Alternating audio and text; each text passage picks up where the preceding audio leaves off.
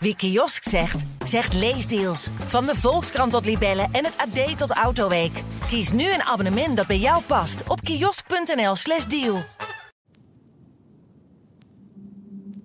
Eh, voor al die koude van Nick Bootman. Je koude is dood. Lekker voor je vriend. Je bent een kankerbitch. Ik laat die Tory. Nu gaan jullie mensen bedreigen om te snitchen voor jullie zaak. En jullie noemen jullie zelf gangsters, man. Jullie zijn gangsters, maar jullie takken allemaal met politie, hè? Jullie Mattie is dood. Die Mattie heeft een kankermes, 15 keer in zijn kankerhoofd. Je Mattie is dood, fuck jouw vriend. Je hoorde zojuist Rowan. Sommigen kennen hem beter als de drillrapper RR, oftewel roekeloze Rowan. Het is een artiestennaam die duidelijk moet maken dat Rowan geen ene fuck om iets geeft. En misschien wel belangrijker, dat hij niet zal aarzelen om andermans bloed te verspillen. Wat je net hoorde stond drie jaar geleden op Rowan's Snapchat-account. Hij spot hier met de dood van ene Nick. Deze Nick zou wel 15 keer in zijn hoofd zijn gestoken. Hij heeft het over Nick Boot, een 16-jarige jongen die kort daarvoor in Zaandam werd doodgestoken door een vriend van Rowan. De steekpartij was het dieptepunt in een langlopend conflict over een bedrag van 200 euro. Ja, je hoort het goed. 200 euro. Rowan was even medeverdachte in de zaak van Nick's dood. Maar na twee weken detentie werd hij weer vrijgelaten. Bizar is ook de rol van Nick's vader, Dirk-Jan Boot, een 112-fotograaf. Dat is een fotograaf die afgaat op noodoproepen van hulpdiensten. Die avond reageerde hij op een melding van de steekpartij. Toen hij aankwam, zag hij nog net hoe ambulancepersoneel zijn eigen zoon probeerde te reanimeren. Hoe het verder precies zit tussen Rowan en Nick, daar vertellen we later meer over. Het was in ieder geval niet de laatste keer dat Rowan de dood van Nick besmeurde. Wat hij daarna deed, was nog veel erger. En dat deed hij in de vorm van een drillrap nummer, waarin hij nog een keer uithaalt naar Nick. Luister goed. Hij spot hier niet alleen met de dood van een 16-jarige jongen, maar dit nummer is ook een waarschuwing. Iedereen die hem of zijn groep uitdaagt, die wacht hetzelfde lot. Niets van zijn gewelddadige. Waarom hij, zo jong? Ai, staan dan Bob op de kankerblok, nu iedereen weet van ons. Roof ons, dat is kankerdom. Krijg een fok of schenk in je mond. Ik bek mijn bro in de vallen gewonden. Reanimatie heeft niet geholpen. Iedereen zegt nu dat is nog zonde. Hier is een tip, nee op zondag geen zonde. Ik doe niks in mijn spliff, maar dat betekent niet dat ik niks rook. Nee, die Nick die maakt me kankerstond. Ik rook op de as van nu. Op de fout dat hij en jij ei dat was heel groot. Dat werd de dood van. Boot, iedereen weet waarom ik in mijn kicks loop. Tentos down voor mijn bro, bro. Als ik step op je blok, weet iedereen meteen al wat de mo is. Laat man achter in doosjes. Splash man down als de motive plank weggeeft. Geen fok.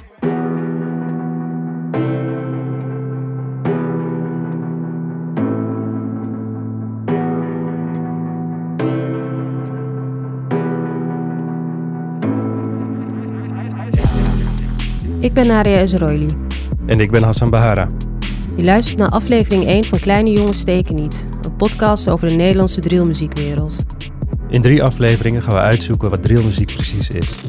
Hoe kan het dat een complete muziekstroming verantwoordelijk wordt gehouden voor een groeiend aantal steekincidenten? Wat voor jongens maken deze muziek? En wat zijn de mogelijke oplossingen voor dit geweld? Kleine jongens steken niet, zeggen ze in de drillwereld. Alleen de grote, harde jongens durven dat. Maar wat is dan groot in een wereldje dat gedomineerd wordt door tieners? Terug naar die avond waarop Nick Boot wordt doodgestoken. Koningsdag 2017, in het uitgaanscentrum van Zaandam. De steekpartij verbijstert vooral vanwege de jonge leeftijd van het slachtoffer en de dader. Nick Boot, het slachtoffer, is dan 16 jaar. De dader, Yassine N., is nog maar 15. Zijn medeverdachte Mats van der P. is 19.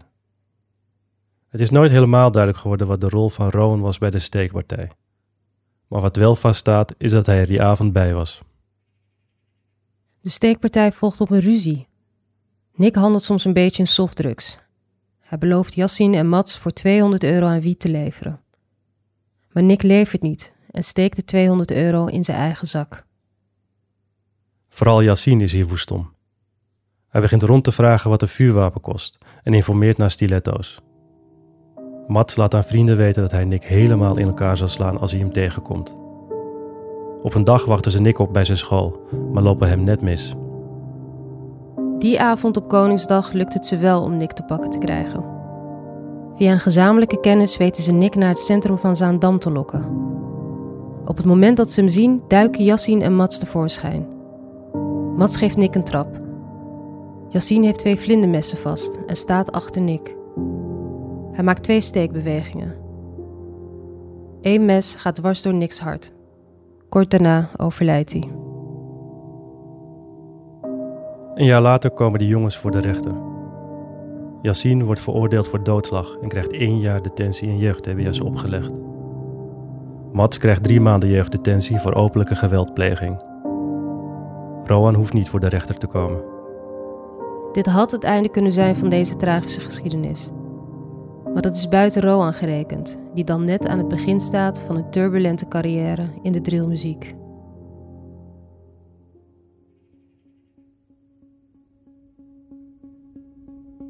Rowan dus. 20 jaar oud is hij inmiddels, groeide op in Zaandam. Moeder is Nederlands, vader Surinaams, is zo'n 2 meter lang en draagt zijn haar in dretjes.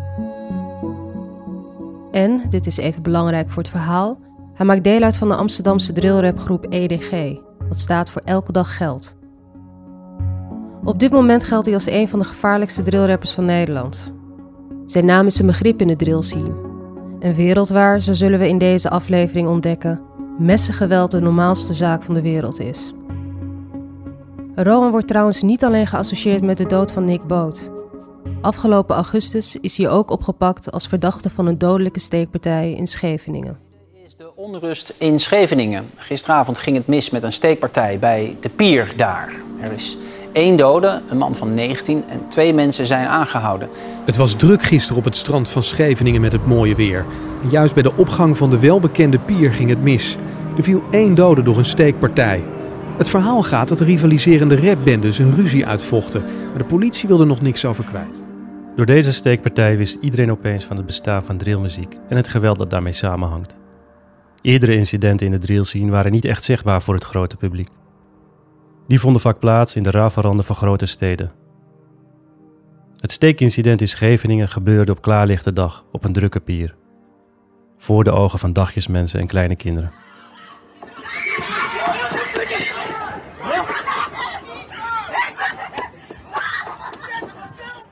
Ineens was drillmuziek overal, in kranten en praatprogramma's.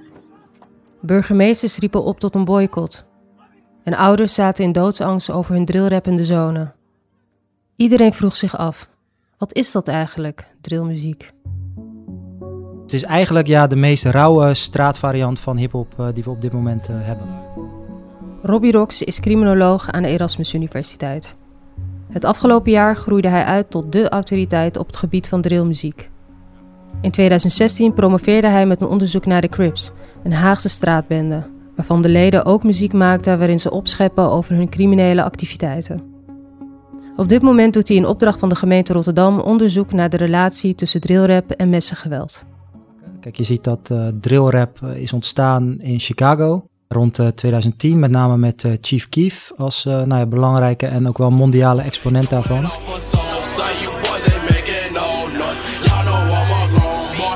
Dat is in de loop der jaren overgewaaid ook naar het Verenigd Koninkrijk en daar vermengd geraakt met UK Grime.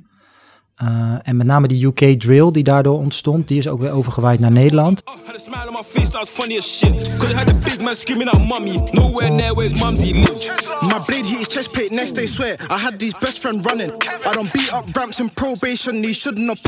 En Chicago drillen daar verwijst naar het geklater eigenlijk van voor automatische vuurwapens. Hè. Dat is die drill sound. Uh, maar in de UK, waar de, de, de, de wet en regelgeving rondom het wapenbezit ja, anders is, uh, om het maar even zo te zeggen, dan in de Verenigde Staten. Ja, kan dat daar niet. Hè? Daar kan je niet met je Kalashnikov over straat lopen. En messen, ja, dat, dat past in die zin beter, is laagdrempeliger voor de Nederlandse situatie. Drillmuziek kenmerkt zich door de trage, slepende beats. Ook typisch zijn de grauwe videoclips, die voor een paar honderd euro in elkaar worden gedraaid. Ziet groepen jongeren in de stedelijke context, uh, die anders dan in de mainstream uh, hip-hop eh, niet allemaal een soort van opzichtig aan het consumeren zijn. Hè? Dus niet Gucci, Fendi en dergelijke dragen. Maar zwarte kleding, veel trainingspakken, met hoodies over hun hoofd, met maskers op. geschoten in de, op verschillende plekken echt in de buurt. En wat drill echt onderscheidt van andere vormen van hip-hop, is het taalgebruik voor geweld. Net als dat er op straat duizend en één woorden zijn voor geld, die gebruikt worden, zie je dus dat er ook voor mes en mesgeweld allerlei termen zijn. Shank, uh, maar ook uh, cheffen, dippen, chingen. Echt allemaal verschillende termen die min of meer naar hetzelfde verwijzen. die ze, zou je kunnen zeggen, letterlijk hebben gekopieerd uit de UK. Het zijn deze verwijzingen naar messengeweld waar iedereen zich zoveel zorgen over maakt. Afgelopen maart kwam de politie met cijfers. Die lieten zien dat het aantal steekincidenten onder jongeren in de afgelopen drie jaar bijna verdrievoudigd is. Van 160 steekpartijen in 2017 naar 380 in 2019. Dat betekent niet meteen dat al die steekincidenten door drillrap zijn veroorzaakt. Wel is het zo dat heel wat partijen grote zorgen hebben over dit wereldje. Politieagenten, jeugdwerkers en ook ouders geloven dat jongeren door de drillcultuur veel makkelijker met een mes de straat op gaan met alle mogelijke gevolgen van dien. Het is moeilijk te zeggen hoeveel jongens er precies actief zijn in de Nederlandse drillwereld. Er zijn wel een aantal groepen die eruit springen. Uh, je hebt in ja, eigenlijk verschillende steden groepen Dus nou ja, als, als, als KSB.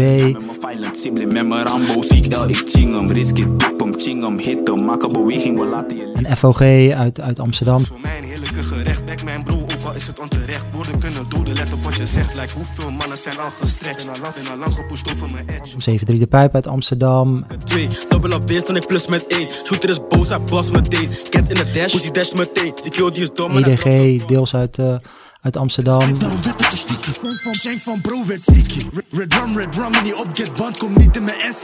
Aantal groeperingen in Rotterdam, eh, rondom 24 hè, met Kulas en Blakka. Eén blok heeft het ooit geprobeerd, ze zijn er snel achtergekomen. En die asje was klein, je dacht dat het was zachter gekomen. 20k op de tafel, het is voor de bakker gekomen. Tussen al die drillgroepen hier in Nederland heerst veel rivaliteit. De steekpartij in Scheveningen zou daar ook mee te maken hebben, in dit geval tussen groepen uit Rotterdam en Amsterdam. Uit Amsterdam had je twee groepen.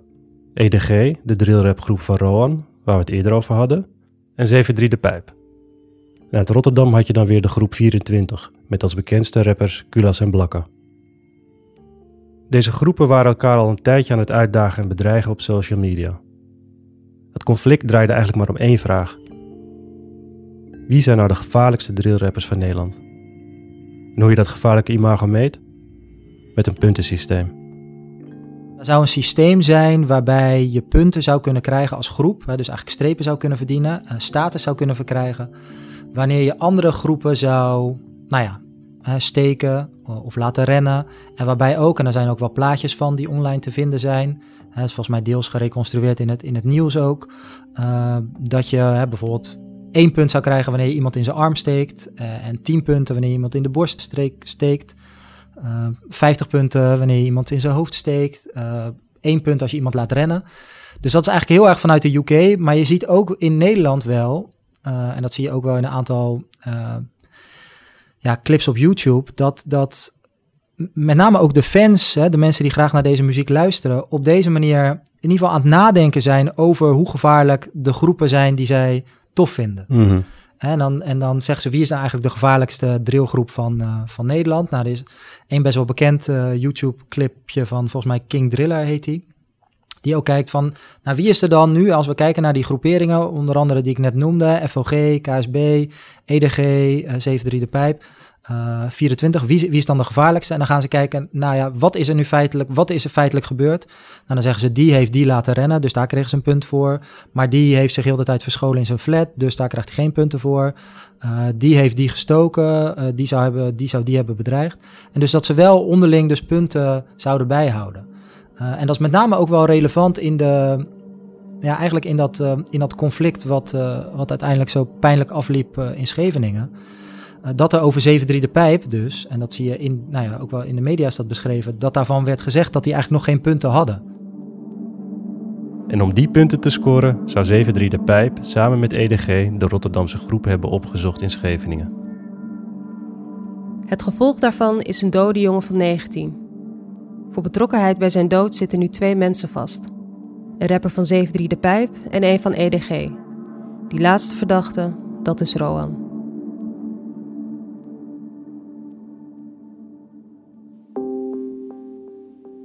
Wat denk je als je dit zo hoort, Hassan? Zijn we te oud geworden?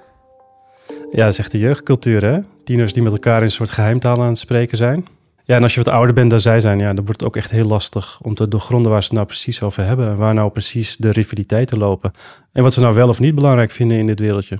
Ja, en jeugdcultuur is er natuurlijk altijd wel geweest. Maar echt die nadrukkelijke verwijzingen naar geweld. En dat geweld ook echt toepassen. Want ze hebben het over een puntensysteem dit is dan toch wel echt next level jeugdcultuur, toch? Ja, het is ook echt lastig om daar iets van te snappen. En ehm, daarom zouden we ook echt met die jongens zelf moeten spreken. Dag, mijn naam is Hassan Bahara en ik ben journalist bij de Volkskrant. De reden dat ik je een berichtje stuur is de volgende. Met mijn collega Nadia Ezaroili ben ik al ongeveer een half jaar bezig met een onderzoek naar de wereld van de drillmuziek. Ik ben dus begonnen met uh, berichtjes versturen via Instagram. Want dat is toch echt uh, het platform waar ze zich als uh, artiest proberen te verkopen. En, heb je al wat reacties ontvangen? Oh ja, zeker. ja, een driller die vraagt dan van, word ik betaald? Ik antwoord op dan, nee, wij betalen niet voor interviews. En dan antwoordt hij weer, jammer man, dan kan ik jullie niet helpen. Een andere driller die zegt, kom naar Amsterdam-Bijlmer in hoofdletters. En dan vraag ik om wat te doen. Afspreken, dan gaan we zien.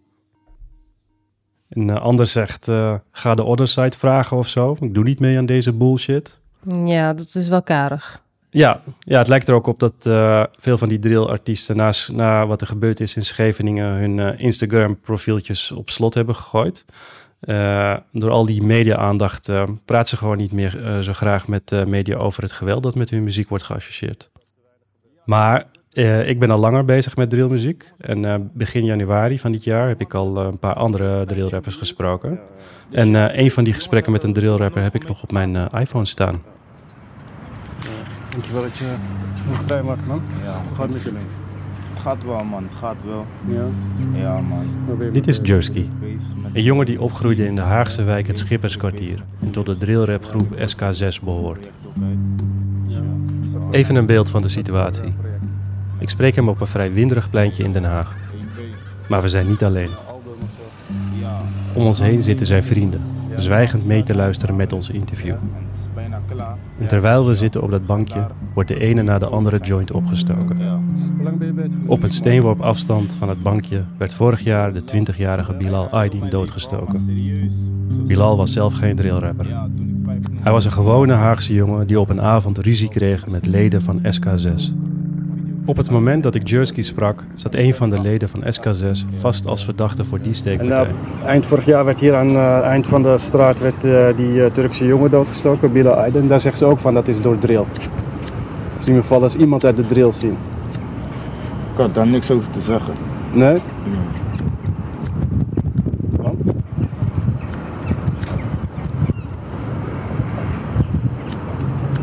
Ja, zeker.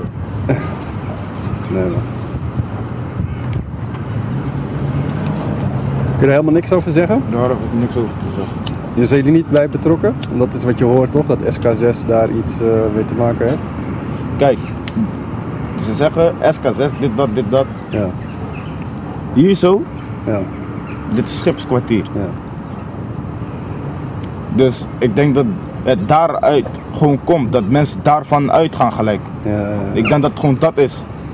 Maar zijn toch meerdere jongens uit, uh, van SK6 ook opgepakt daarom? Daar praat ik niet over. Nee? Drill, ja, het wordt uh, geassocieerd, uh, zeker vanwege die clippen met, uh, met geweld. Je ziet veel messen en zo. Jullie hebben ook ja. in jullie clips zie je dat ook wel voorbij komen. Waarom is dat? De messen, ja. dat is gewoon de kunst. Mm. Dat is gewoon de artwork. Je hebt voetbal, Waar, wat hoort erbij bij voetbal? Een bal. Mm -hmm. Begrijp wat ik bedoel? Mm -hmm. ja, het is gewoon een prop. Ja. Het is gewoon iets wat je laat zien. je weet toch, om de clip wat uh, amuserender te maken of entertainment. Je weet toch, heel veel uh, mensen vinden het leuk om te zien. Heel veel mensen uit andere landen luisteren ook naar Nederlandse drill. Ja. Dus het is meer, denk ik, voor die mensen gericht om te kijken van, yo, wij zijn hier ook. Ja, ja, ja, het is hier ook. Ja, ja, ja. ja, ja. Maar dragen jullie zelf ook uh, messen? Kijk, we, we dragen geen uh, mes als het niet nodig is. Want daar gaat het fout. Ja, ja, ja. Daar gaat het, fout. En wanneer is het wel nodig? Messen zijn alleen nodig wanneer het nodig is. En, noem eens een situatie wanneer dat. het nodig is. Ja. Het is alleen gewoon hoe ik, zeg, hoe ik u zeg. Ja, ik probeer te volgen, want wanneer is het wel nodig en wanneer niet? Als je bijvoorbeeld het de buurt het is echt niet, Nee, nee, tuurlijk niet. Ja. Je weet toch, het is alleen maar nodig ja. wanneer er uh, sowieso geweld naar jou... Uh, ja, ja, ja. Hebben jullie daarmee te maken? Dat er geweld naar jullie uh, toe is? Dat is wel eens, dat hebben we wel eens meegemaakt. Ja. Ja. Dat hebben we wel eens meegemaakt. Maar je gaat niet naar buiten met je weet toch, een mes. Ja, ja, Niemand van ons gaat naar buiten met een mes van, ja, vandaag ga ik iemand uh, steken. Want ik heb, je weet toch, dat, dat kan niet. Dat vind ik, daar, sta ik, daar staan wij ook niet achter. En dat, ja. En waarom zijn jullie in uh, videoclips altijd met uh, gezichtsbedekking? Om onze identiteit gewoon uh, schat te houden. Voor? je rap, je, we rappen dingen, we rappen de wa je weet toch, we rappen gewoon ons leven, gewoon feiten, je weet toch? En ja, je woont niet in nadeel vervolgd worden door, door dingen wat jij zegt, terwijl jij gewoon zegt wat jij leeft. Dus het is beter als jij gewoon met jouw masker op rapt, want mensen, kunnen, mensen kennen jouw gezicht, mensen kunnen naar je toe komen, yo, ik sta niet achter wat jij hier hebt gezegd of daar hebt gezegd. En dat je weet toch, om dat gewoon te voorkomen. Ik heb, wij zeggen gewoon wat wij zeggen het is gewoon feiten, je weet toch, het is leven en je weet toch, verder bedoelen wij niks mee. Klaar. Maar in de buurt weten denk ik, mensen kennen Iedereen, iedereen kent ons in de buurt. Het is lastig om heldere antwoorden te krijgen van de drillrappers die ik heb gesproken. Waarom dragen ze maskers in hun videoclips? En waarom al die messen? Zodra het hierover ging, werden hun antwoorden vager, glibberiger, ontwijkend. Misschien doen ze zich stoerder en gevaarlijker voor dan ze daadwerkelijk zijn. En dan kun je niet in een gesprek met een journalist toegeven dat het allemaal nep is. Want dan ligt je imago bij je fans en vijanden aan diggelen. Maar aan de andere kant, als je zegt dat er inderdaad een link bestaat tussen al die messen in je clips en steekincidenten op straat, dan kom je misschien wel in het vizier van justitie. Misschien moeten we iemand spreken die wat ouder is en deze jongens van dichtbij kent.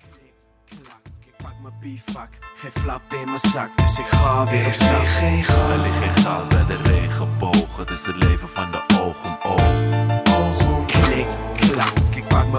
Als ik in deze tijd zou leven en ik zou in een van die werken leven, had ik misschien een van die jongens kunnen zijn.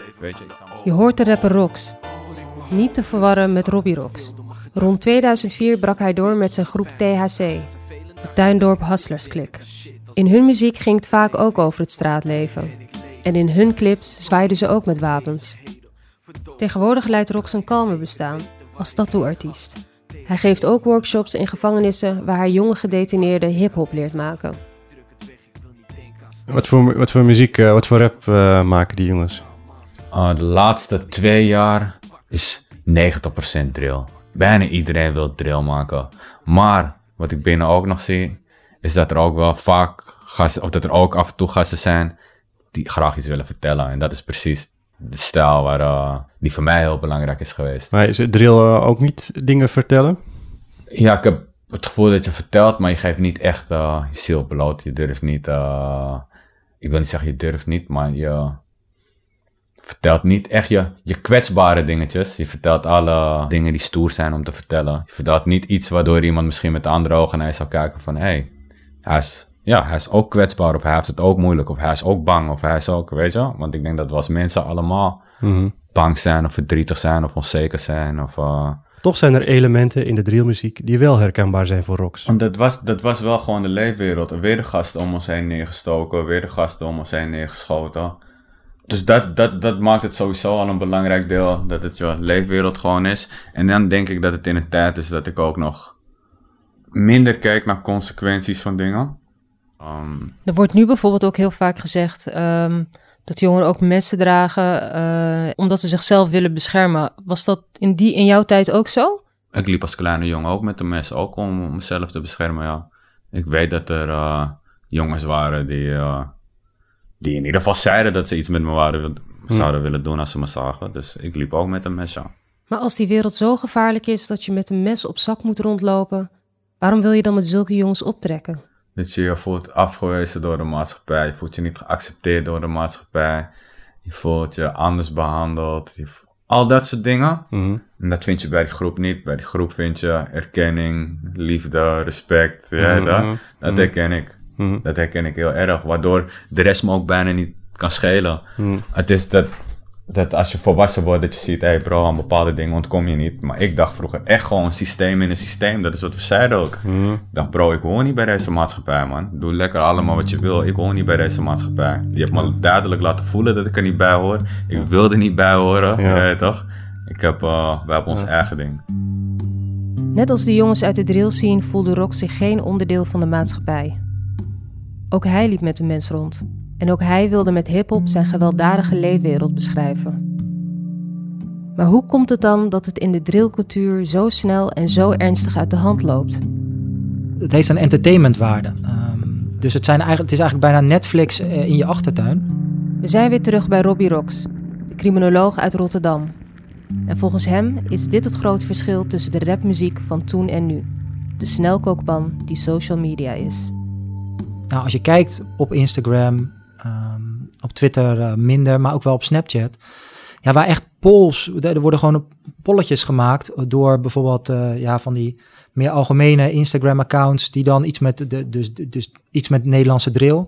En dus dat ze echt een poll aanmaken. En dan zeggen ze van wie is nu de hardste groep of de meest gevaarlijke groep of wie heeft er zoveel punten. En dan krijg je En als heel Instagram zit mee te kijken en zich bemoeit met jouw status en jouw rapconflicten, dan geeft dat natuurlijk druk. Kijk, als, als, als er in de, je buurt iets over je wordt gezegd, en, en, en dat gebeurde, nou, dat gebeurt natuurlijk nog steeds, is dat wel anders dan wanneer 15 mensen over je spreken, dan wanneer 4000 mensen ja, eigenlijk jouw conflict daar bespreken. En, en als jij status eh, en mannelijkheid belangrijk vindt, eh, en jij hebt ook het gevoel dat dat alles wat er online gebeurd is daarop inwerkt, dan kan je je voorstellen dat dat bij sommige jongeren wel echt eh, de druk laat toenemen. Dat ze het gevoel hebben van ja, nu moet ik wel iets doen, nu moet ik reageren, want anders ja, ben ik gewoon niet meer serieus te nemen. Netflix in je achtertuin dus. Maar wel met echte doden. Met jonge slachtoffers en hele jonge daders. Dus, samengevat, wat hebben we nou geleerd over drillrap? Het is duister, nihilistisch en het wordt voornamelijk gemaakt door jongeren, die in sommige gevallen het niet alleen bij woorden laten, maar ook echt overgaan tot geweld. En waar we ook zijn achtergekomen, social media zijn een belangrijke katalysator voor de explosieve sfeer in de drillwereld. En als je eenmaal die online wereld van de drillmuziek in de vingers hebt, dan merk je opeens hoe beklemmend deze scene is. Door hun misdaden en ruzies breed uit te meten op het internet, bieden ze hun jonge fans spanning en entertainment. En zo weten ze hun aandacht vast te houden. Dat doen ze zelfs vanuit de gevangenis. Ik kan je vegen met stoffer en blik of blaas je hoofd op als ik op je keer mik. De OVJ, ja die voor mijn geschrifthoek steeds wordt verdacht van murder en shit. QBC, jullie drie zijn bitch, je bro wordt gekort met jou als clip. Je doet stoer op het net, ben je kankergek. Chulo gaat zorgen voor je fuck of kids. En je ligt al in zijn kankerkist, maar blanca kwam weg. Daar heb je hem weer. Rowan. RR. Roekeloze Rowan. Als je dacht dat het na de steekpartij in Scheveningen stil zou worden rondom Rowan, dan heb je het mis.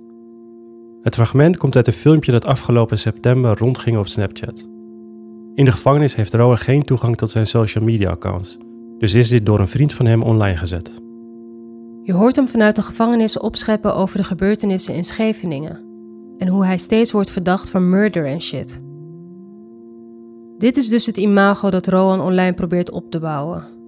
Dat van een losgeslagen jongen die niks anders heeft gekend dan een hard straatleven. Alsof hij geen schijn van kans heeft gehad om een stabiel bestaan te leiden. Maar klopt dit wel? Want als je aan de oppervlakte van dat imago krabt, dan komt er een andere Rowan tevoorschijn. Dan zie je een Rowan die in zijn tienerjaren veel op de skatebaan te vinden was. Die het goed deed op school. Die keurig Nederlands spreekt, met een rollende R.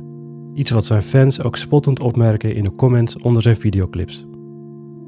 Als je het van een afstandje bekijkt, lijkt het erop dat er dus ook andere opties mogelijk waren. Maar voor veel drillrappers ligt dat anders. Want pak je hun biografie erbij, dan kun je eigenlijk maar één ding concluderen. Dit zijn jongens die al op jonge leeftijd zo ontzettend veel ellende hebben meegemaakt dat het wel een keer fout moest gaan. Drillmuziek was slechts het laatste zetje.